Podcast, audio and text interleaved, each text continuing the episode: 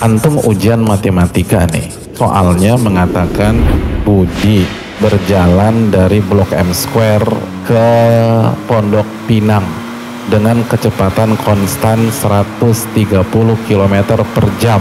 Jadi tanpa rem gas terus konstan 130 km per jam sedangkan Ahmad jalan dari Blok M Square ke Pondok Pinang dengan kecepatan yang tidak konstan karena Ahmad mengkombinasikan antara gas dan rem, gas dan rem.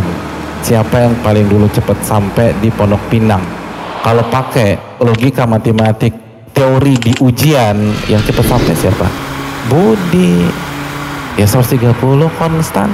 Tapi di realita, ini antum pulang nih, antum terapin nih soal kira-kira yang cepat yang paling cepat sampai siapa? Ahmad. Si Budi ke mana?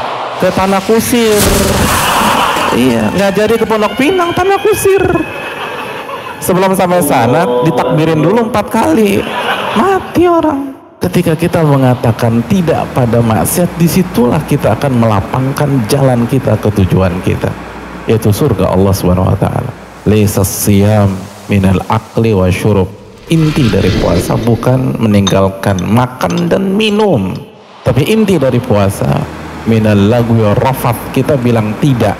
Kita injak rem ketika berhadapan dengan hal-hal yang sia-sia dan dosa.